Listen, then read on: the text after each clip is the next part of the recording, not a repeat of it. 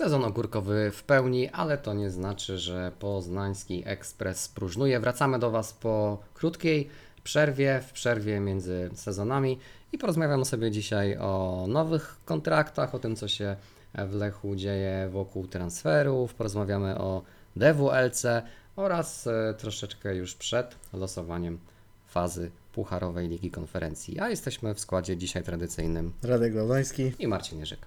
No to zaczynamy.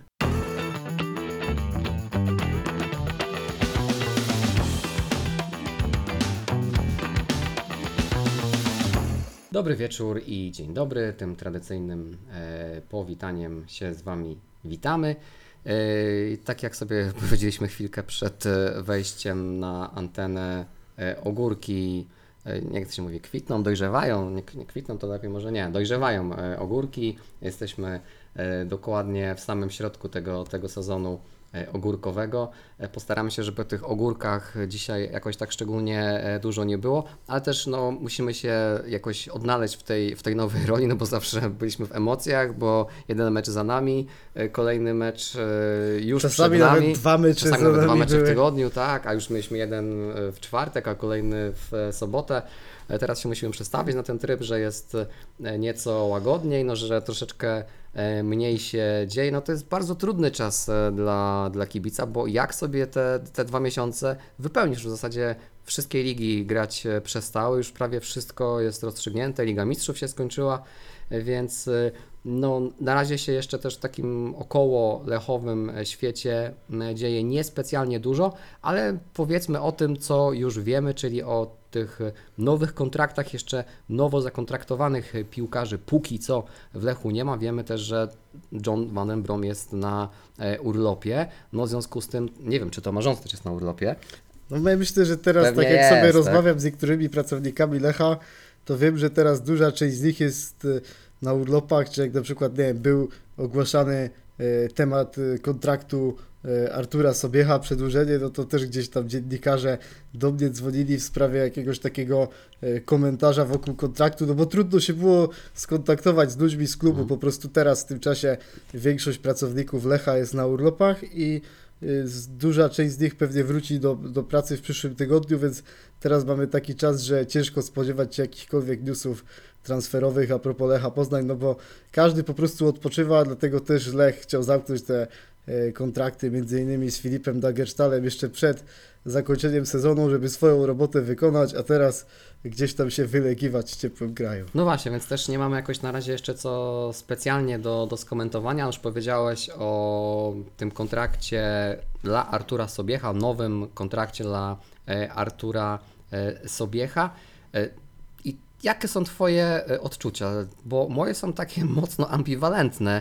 E, Jakby to powiedzieć, niespecjalnie byłem wielkim fanem e, Artura Sobiecha, kiedy e, do nas trafiał, a szczególnie już nie byłem jego fanem po tej długiej przerwie związanej z jego kontuzją. Natomiast końcówkę sezonu miał już znacznie lepszą, jak na to, do czego nas zdążył przyzwyczaić, przywdziewając koszulkę Lecha.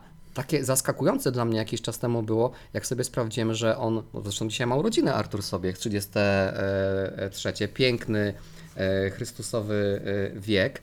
E, Wszystkiego najlepszego dla e, Artura Wszystkiego Sobiecha. najlepszego. Będziemy jeszcze rok z Arturem e, Sobiechem. No i wiemy tak, że to jest zawodnik, którego e, raczej cenią trenerzy, też Maciej Skorża e, o tym mówił, i że to jest taki, jak to się mówi, dobry duch szatni, że on jest, nie jest może takim typowym atmosferowiczem, ale jest jednak piłkarzem, e, którego w szatni się e, lubi. To jest chyba też zawodnik z tego, co e, nam wiadomo, który raczej nie robi fochów, który raczej nie obraża się na to, że nie jest napastnikiem pierwszego wyboru, który raczej jest pogodzony z tą rolą właśnie trzeciego napastnika po Mikaelu Isaku i po e, Filipie e, Szymczaku.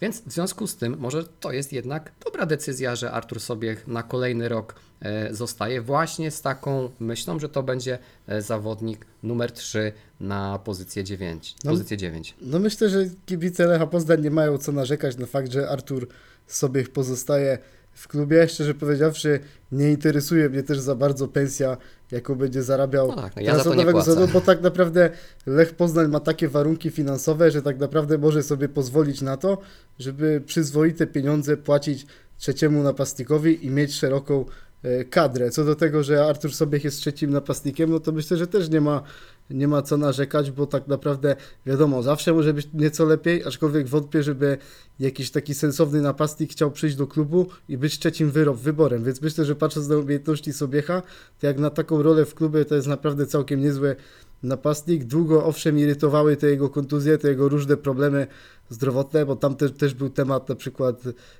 zapalenia mięśnia sercowego, Mhm. to już była taka bardziej troszeczkę poważna sprawa, ale wiem, że z tym zapaleniem mięśnia sercowego jest akurat tak, tak już troszeczkę wiadę tematem medycznym, bo to też mój brat no, cierpiał na tą chorobę, że po prostu ona sprawia, że długo dosyć nie możesz uprawiać wysiłku fizycznego, ale nie zostawia tobie jakichś takich zmian trwałych i, i wtedy, kiedy już dobrze się zregenerujesz, no to już rzeczywiście możesz wrócić do tych wysiłków na, na pełnych obrotach. No tak naprawdę Artur Sobiech miał zmarnowany ten czas e, z, za czasów trenera Macieja Skorży. Teraz e, w Lechu Poznań przez to, że Mikael Iszak ma kontuzję, no to też grał trochę więcej i widzieliśmy, że też pokazał, myślę, na boisku też się całkiem nieźle, zwłaszcza mi zapadł w pamięć ten mecz we Florencji, gdzie trochę kibiców Lecha Poznań narzekało na niego podczas tego meczu, ale to był taki klasyczny przykład tego, że inaczej się ogląda mecz w telewizji, a inaczej na stadionie, bo kiedy ja widziałem ten mecz na stadionie, no to widziałem Artura Sobiecha, który bardzo dużo e, biegał po różnych sektorach boiska, bardzo dużo pre presował, zastawiał się z piłką, miał parę takich dobrych rozegrań, no i myślę, myślę, że wtedy Artur Sobiech pokazał, że może być e, całkiem pozytywną postacią w Lechu Poznań i to był taki mecz, który bardzo mocno zbudował go mentalnie. No i widzieliśmy, że ta końcówka sezonu była lepsza w jego wykonaniu. Zobaczymy, co będzie dalej z Mikaelem i Szakiem, ale myślę, że fakt, że Artur Sobiech zostaje w Lechu też jest tak, takim dobrym sygnałem a propos tego, że klub bardziej może się skupić na innych transferach, aby szukać piłkarzy na pozycje, które bardziej tego wymagają, tak jak teraz skrzydło czy, Mhm. czy lewa obrona, a gdzieś tam ten temat napastnika jest teraz zamknięty i można się skupić na właściwej robocie. Tak jest. No i na pewno e, co do Artura Sobiecha, co by nie mówić, to ten moment, kiedy strzelił bramkę we Florencji, to na pewno będzie jeden z takich momentów, który będziemy wspominać e, po tym sezonie, który dał mnóstwo radości na pewno Wam e, we Florencji, ale też e, nam, kibicom oglądającym e, to przed ekranami telewizorów, czy w różnych e, pubach i innych lokalach e, w Poznaniu, bo naprawdę e, tam, gdzie ja ten mecz oglądałem, to prawie, że ten lokal eksplodował. Tam wszyscy skakali wręcz, wręcz po stołach e, wówczas. E, Więc e, jeśli coś nam po tym sezonie pozostanie, to na pewno ten moment właśnie e, z udziałem, jednak dużym udziałem Artura Sobiecha, chociaż niektórzy może nieco złośliwie mówili, że to nie była bramka Artura Sobiecha, a strzelona Arturem Sobiechem, ale to tak mówiąc oczywiście pół żartem, pół serio. Na pewno trener John Vandenbrom życzyłby sobie, aby skład był gotowy na początek e, przygotowań, no ale wiemy jaka jest e, specyfika trochę też polskiej ligi, ale też jak e, wygląda dynamika transferów przychodzących do Lecha Poznań. Nauczyły nas trochę tego ostatnie sezony i model pracy dyrektora Rząsy, więc nie mamy tutaj żadnych informacji. My też nie jesteśmy e, newsmenami, nie jesteśmy Tomaszem e, Włodarczykiem czy Fabrizio Romano. Trochę szkoda, ale no jednak e, jest jak jest, więc trochę się możemy opierać tylko i wyłącznie na tym, co dotrze do nas z tych źródeł oficjalnych, bądź troszeczkę czasami półoficjalnych, więc dzisiaj się jeszcze raz przywinęło nazwisko, które się pojawiało już na giełdzie transferowej, czyli lewy obrońca francuski Florian Miguel, e, który e, gra, czy jeszcze występuje, ma jeszcze kontrakt z drugoligową hiszpańską drużyną Łeską. E, No i ten kontrakt mu się kończy. Przegląd sportowy dzisiaj poinformował, że ten transfer ma dojść do skutku. E, Podobno tego piłkarza rywalizuje również e, Legia Warszawa. No, ja przyznam szczerze, że Segunda Division nie śledzę e, na bieżąco, więc opieram się tylko na tym, jakie są e, statystyki tego francuskiego obrońcy. Wygląda na to, że to jest taki zawodnik, taki obrońca bardziej do obrony niż taki typowo atakujący, troszeczkę w innym typie niż jest chociażby Joel Pereira. No też myślę, też myślę, że ten piłkarz e, to jest bardziej taki defensywny obrońca, co do tego Miguela, no to on też jest pochodzenia portugalskiego, więc to też by było zwiększenie tej kolonii e, portugalskiej w Lechu, bo to jest piłkarz, który urodził się co prawda we Francji, ale, e, ale jest Portugalczykiem. No i tak sprawdzając te jego asysty, jed, jeden gol, jedna asysta, to nie jest jakie, jak, to nie są imponujące liczby w Segunda Division, aczkolwiek to jest piłkarz, który słyszałem, że dużo lepiej wygląda w obronie i też sobie posłuchałem e, wczorajszego programu w meczykach z dyrektorem sportowym Legii Jackiem Zielińskim, który powiedział, że oni temat tego piłkarza odpuścili, więc może też wtedy kwestia tego przybliżenia do Lecha się też tutaj pojawiła. Odpuścili go ze względu na to, że oni, że Legia poszukiwała bardziej takiego e, bocznego obrońcę, który będzie występował na pozycji wahadłowego, czyli taki gracz stricte ofensywny, no takich atutach jak, jak, jak Joel Pereira, a tutaj był temat gracza defensywnego, który w tej formacji z trójką obrońców nie za bardzo pasuje, musi grać w czwórce w obronie. Co do takiego, co do wzięcia tego typu obrońcy, no to myślę, że mimo wszystko widzę więcej pozytywów niż negatywów, bo dzisiejsza piłka mimo wszystko idzie, idzie w takim kierunku, że jak mamy ustawionych bocznych obrońców i to nawet takiej ofensywnie gdzieś tam usposobionej drużynie, no to zazwyczaj to jest takie ustawienie asymetryczne, w którym jeden obrońca przyjmuje taką rolę ofensywną, ofensywne dogrania, gdzieś tam kreowanie sytuacji bramkowych. Wiemy, że taką rolę ma Joel Pereira y, w Lechu Poznań, a ten drugi obrońca jest, ma bardziej takie zadania defensywne, żeby dobrze, żeby dobrze pilnować tej flanki i wtedy życzyłbym sobie, gdyby to był taki piłkarz właśnie tego typu, żeby, tak, żeby ten boczny obrońca dobrze wyglądał pod kątem motorycznym, żeby miał dobre przyspieszenie, żeby był taką motorynką, tak jak czasami Pedro Rebocho, bo, bo Pedro Rebocho tak na początku miał tylko te takie ofensywne inklinacje e, w Lechu, później on też miał bardziej taki defensywny charakter, tak jak oglądałem jego poczynania w większości spotkań, więc być może też przez to, że Pedro Rebocho czasami grał troszeczkę bardziej ofensywniej, wyżej ustawiony, to też z tego mogły wy, wynikać te różne błędy bocznych obrońców, w których padały te bramki przeciwników. Może Lech też w tym widzi pewien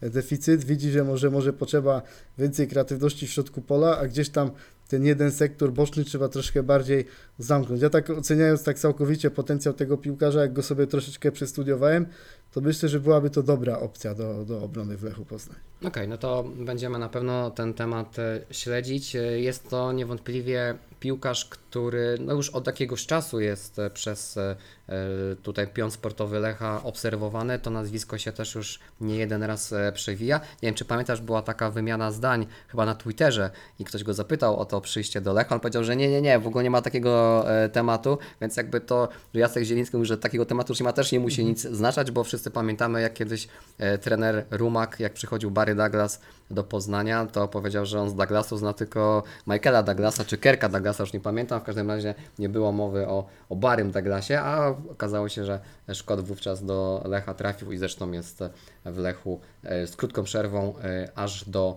dzisiaj. No, na razie chyba większych tematów transferowych nie ma, więc przejdźmy do drugiego wątku.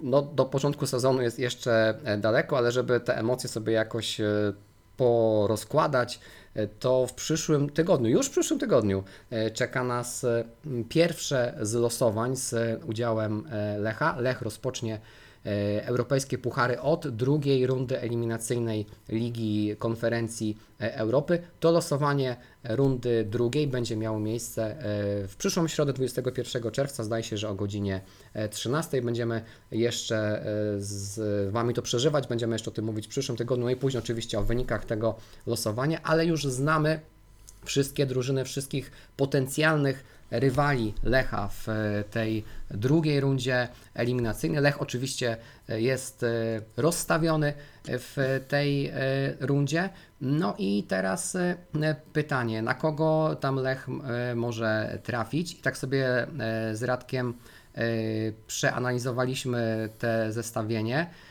i tam takie najmocniejsze, przynajmniej jeśli chodzi o marki, jeśli chodzi o nazwy, to są Panathinaikos, jest e, również dobry znajomy Lecha ze Szwecji, czyli Hammarby. E, Patrzyliśmy jeszcze, mówiliśmy o drużynie e, z Pragi. To byłby bardzo, bardzo ciekawy e, kierunek. E, Bohemian z Praga e, wracają do pucharów po e, długiej e, przerwie. Mamy duńskie Nordsjælland e, i chyba mówiliśmy jeszcze o, Żylina. o Żylinie. Właśnie. Ale dla mnie, jak ja pat- patrzę sobie tak na te nazwy, no to patrząc pod kątem takiego ciekawości widowiska, jaka grupa kibiców by tutaj przyjechała, no zmierzyć się z CSK Sofia to by było coś, tak, jeśli, Tak. jeśli chodzi o tych potencjalnych przeciwników. E, Tak, tak. I to jest ta CSK Sofia, ta e, z, z rokiem w nazwie, czyli ta nieoryginalna CSK e, Sofia, bo w Bułgarii jest kilka CSK Sofia, tam troszeczkę jak w Rumunii jest e, w tej e, lidze. Nie wiemy oczywiście jeszcze na ten moment, e, jaki będzie podział tych koszyków, bo UEFA dzieli te zespoły przed losowaniem na koszyki geograficznie, więc y, bywało tak y, bardzo często, że drużyny polskie były przyporządkowywane do koszyków albo takich y,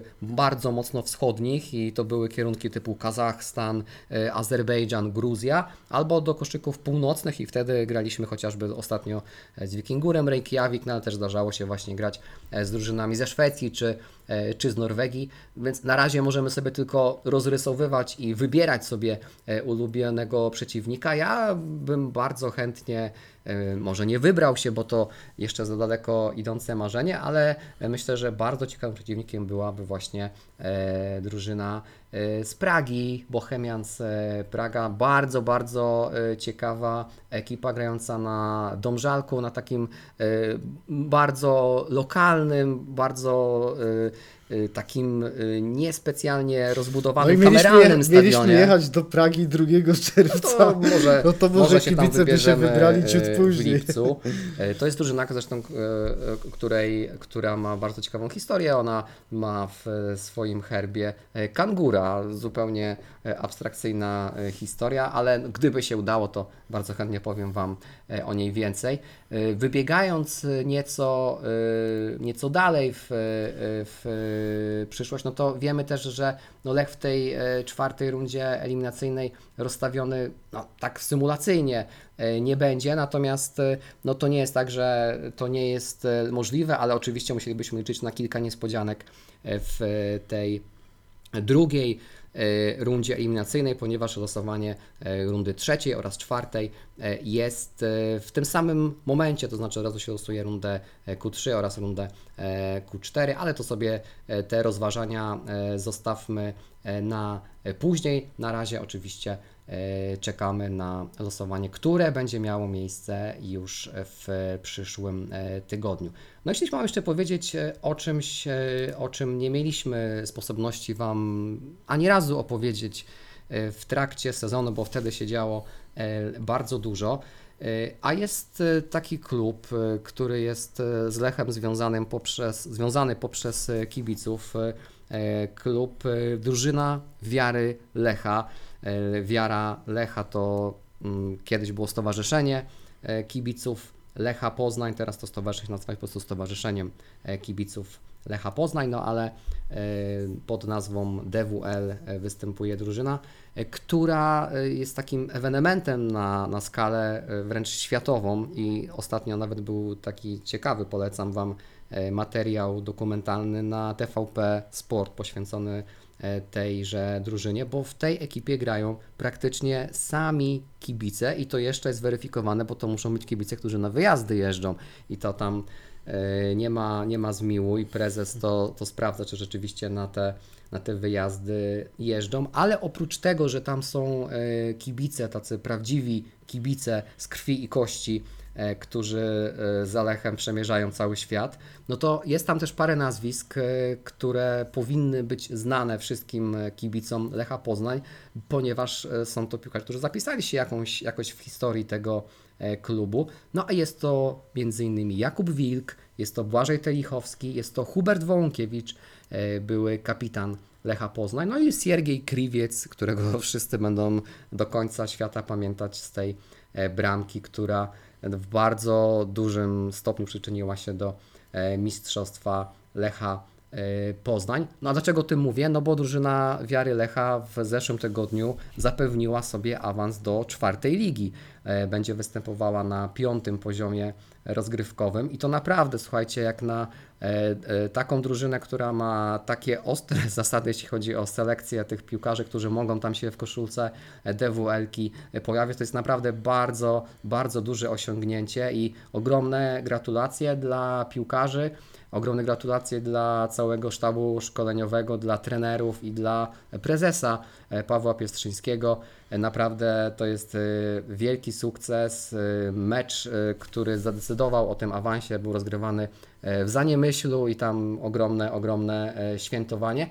Mówimy też o tym dzisiaj, dlatego że szykujemy dla Was gościa, który jest właśnie e, człowiekiem, który łączy e, historię Lecha Poznań, ale także historię e, drużyny e, Wiary Lecha. Na razie więcej nie powiemy, bo jeszcze nie mamy e, tego tematu dogranego, ale liczymy na to, że uda się to e, zrobić w najbliższych tygodniach. No ja myślę, że też ten awans drużyny Wiary Lecha może cieszyć i, i też Lech y, daje taki dobry przykład tego, tej takiej synergii pomiędzy klubem a kibicami, no bo też widzę na, na Twitterze, jak ludzie z klubu gdzieś też tam e, gratulują DWLC tych osiągnięć sportowych. No myślę, że jak drużyny kibiców e, czwarta liga to już naprawdę jest bardzo, bardzo duże osiągnięcie, no i cieszy fakt, że, e, że kibice Lecha tak daleko e, doszli tutaj, jeśli chodzi o te rozgrywki ligowe. No i myślę, że fakt, że byli piłkarze Lecha Poznań tacy, którzy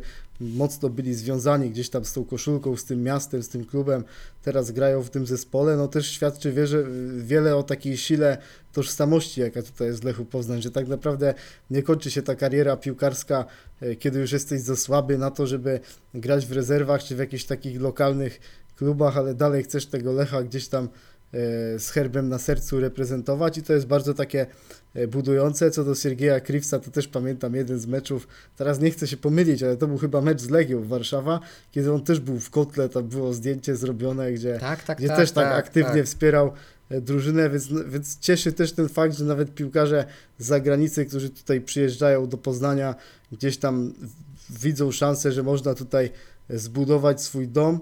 Nie tylko dom taki pod względem fizycznym, ale też taki e, dom pod względem bardziej takim duchowym, związać się, się z tym miejscem, no bo wielu byłych piłkarzy Lecha Poznań w Poznaniu odnalazło swoje miejsce. Mm, Luis Enriquez chociażby, który, który teraz jeszcze gra w szturmie e, Junikowo. No jest myśl- myślę kilku takich piłkarzy, którzy po prostu czują się związani z Poznaniem i cieszy fakt, że, że ta DWL-ka gdzieś, gdzieś tam im to wszystko gwarantuje. Ze swojej strony muszę powiedzieć, że kiedyś muszę się na mecz DWL-ki wybrać, jak będą grali gdzieś tutaj w Poznaniu, bo e, tak przyznam się szczerze, że w tym sezonie jeszcze ani razu nie byłem, ale gdzie to czwarta liga, to pewnie chętnie się wybiorę i zobaczę, jak tam ta gra wygląda. Teraz sezon się kończy, e, ostatnia kolejka jeszcze została i ciekawy wyjazd e, w tej ostatniej kolejce przed e, DWL-ką, bo do Grodziska Wielkopolskiego na spotkanie e, z e, drużyną Dyskoboli Grodzisk Wielkopolski, która występuje pod nazwą Nasza Dyskobolia, no bo e, wiadomo, że tej, tej starej Dyskoboli już e, po prostu e, nie ma, no więc nawet na tym poziomie tej, tej piątej ligi e, są też takie kluby no, z pewnymi tradycjami, bo przecież Dyskobolia występowała również w rozgrywkach e, pucharów. e, europejskich. E, Chcieliśmy Wam jeszcze powiedzieć o tym, jak mniej więcej może wyglądać nasz e, rozkład jazdy na e, następne e, tygodnie. E, prac- Pracujemy nad tymi gośćmi związanymi e, z Lechem. Jak będziemy mieli ich dogranych, to Wam potwierdzimy e, w szczegółach, ale e, ponieważ ta przerwa między sezonami będzie dosyć e, długa, e, to chcielibyśmy też ją wypełnić e, rozmowami z Wami, to znaczy z takimi samymi kibicami e, jak my i powymieniać się trochę tym, co o e, Lechu i też nie tylko o Lechu, też o w ogóle trochę o piłce e, porozmawiać. No i dzięki tej licytacji, o której pisaliśmy w zeszłym tygodniu na, na Twitterze, e, dzięki tej e, zbiórce charytatywnej na wybudowanie studni na Madagaskarze, zbiórki, którą organizował ksiądz Radek Rakowski, przepraszam, oraz e, parafia Łacina, dzięki e, szczodrości, dobremu sercu Michała Ziarczyka oraz Adama Jaworskiego. Będziemy mieli aż dwóch gości. Z chłopakami się już jesteśmy w stanie w, w fazie dogadywania ich dostępności i terminów, więc y, z Michałem Ziarczykiem pewnie pogadamy sobie też dużo o y, drużynie Poznań FC, bo to jest y, jego, dowiemy się, czy to jest jego pierwsza, druga czy trzecia miłość. Poznań FC w tym roku obchodzi y, 20-lecie działalności, to też będzie, myślę, bardzo fajny temat i ja się także bardzo chętnie podzielę takimi różnymi swoimi osobistymi, bardzo rodzinnymi wspomnieniami związanymi z Poznaniem FC. E, A z Adamem Jaworskim e, porozmawiamy o koszulkach piłkarskich, bo Adam jest e, kolekcjonerem koszulek. My też lubimy różne koszulki. Właśnie Radek teraz siedzi w koszulce przywionej z Neapolu z oryginalnym podpisem Diego Armando Maradony z numerem 10. E, Jest flaga, jest Scudetto takie włoskie, jest też herb Federacji Argentyńskiej. Także też mamy coś do powiedzenia o koszulkach piłkarskich, też je lubimy, więc myślę, że to będzie także dla Was bardzo fajna okazja, żeby się przyłączyć i jakoś o tym e, wszystkim pogadać. No, taka koszulka moja jest właśnie pół na pół, pół SSC Napoli, pół, e, pół Argentyny, właśnie z takim motywem e, przewodnim jeszcze z końcówki lat 80., kiedy Maradona w Neapolu zdobywał e, Scudetto, bo teraz jak wiecie, byłem właśnie przy okazji tego, e, tego świętowania. Było cudownie, aczkolwiek wiadomo, że gdzieś tam świętowanie u siebie w Poznaniu smakowało A, najlepiej, jasne. kiedy było rok temu. Ja tak po cichu liczę na to, że kiedy John Van Den Brom pokazał ten taki swój nieco imprezowy charakter, bo widzieliśmy, że był chociażby na nocnym targu towarzyskim już teraz po tej ostatniej kolejce, no to po cichu liczę na to, że kiedyś ten stary rynek w Poznaniu zostanie wyremontowany i John Van Den Brom będzie takim królem tego starego rynku, kiedy Lech będzie świętował Mistrzostwo Polski. Co do tych gości, no to też myśl, myślę, że ze, ze swojej strony mogę powiedzieć, że uda mi się tutaj ściągnąć jednego z pracowników klubu. Jest. Lato jest długie, zobaczymy kiedy. Kiedy się urlopy pokończą. Zobaczymy, kiedy się urlopy pokończą i będzie troszeczkę czasu, ale już mogę powiedzieć, że będzie tutaj pracownik klubu, więc też sobie kilka rzeczy I to nie byle omówimy. jaki pracownik. I też e, będzie właśnie osoba, były piłkarz, który też jeszcze gra w wywiarze Lecha. Może jeszcze się uda parę osób gdzieś tam tutaj zwerbować, więc myślę, że ten wakacyjny czas z Poznańskim Ekspresem będzie wyglądał całkiem nieźle i nie będziecie aż tak mocno tęsknili za, za powrotem meczów. Na pewno będziecie tęsknili, bo my, te, my już teraz tęsknimy, więc tego się, tego się na pewno nie pozbędziemy, ale zrobimy wszystko, co w naszej mocy, żeby Wam jakoś umilić i zagospodarować e, ten e, czas, e, który przed nami.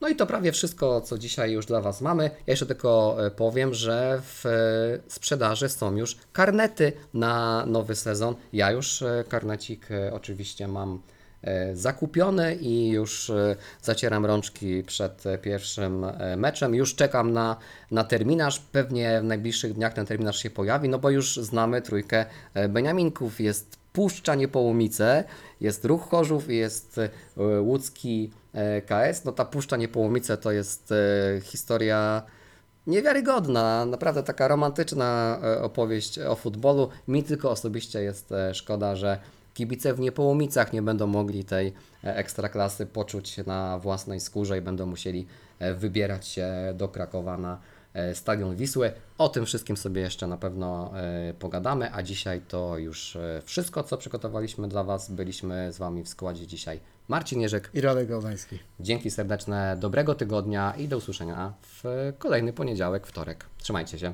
Cześć. Cześć.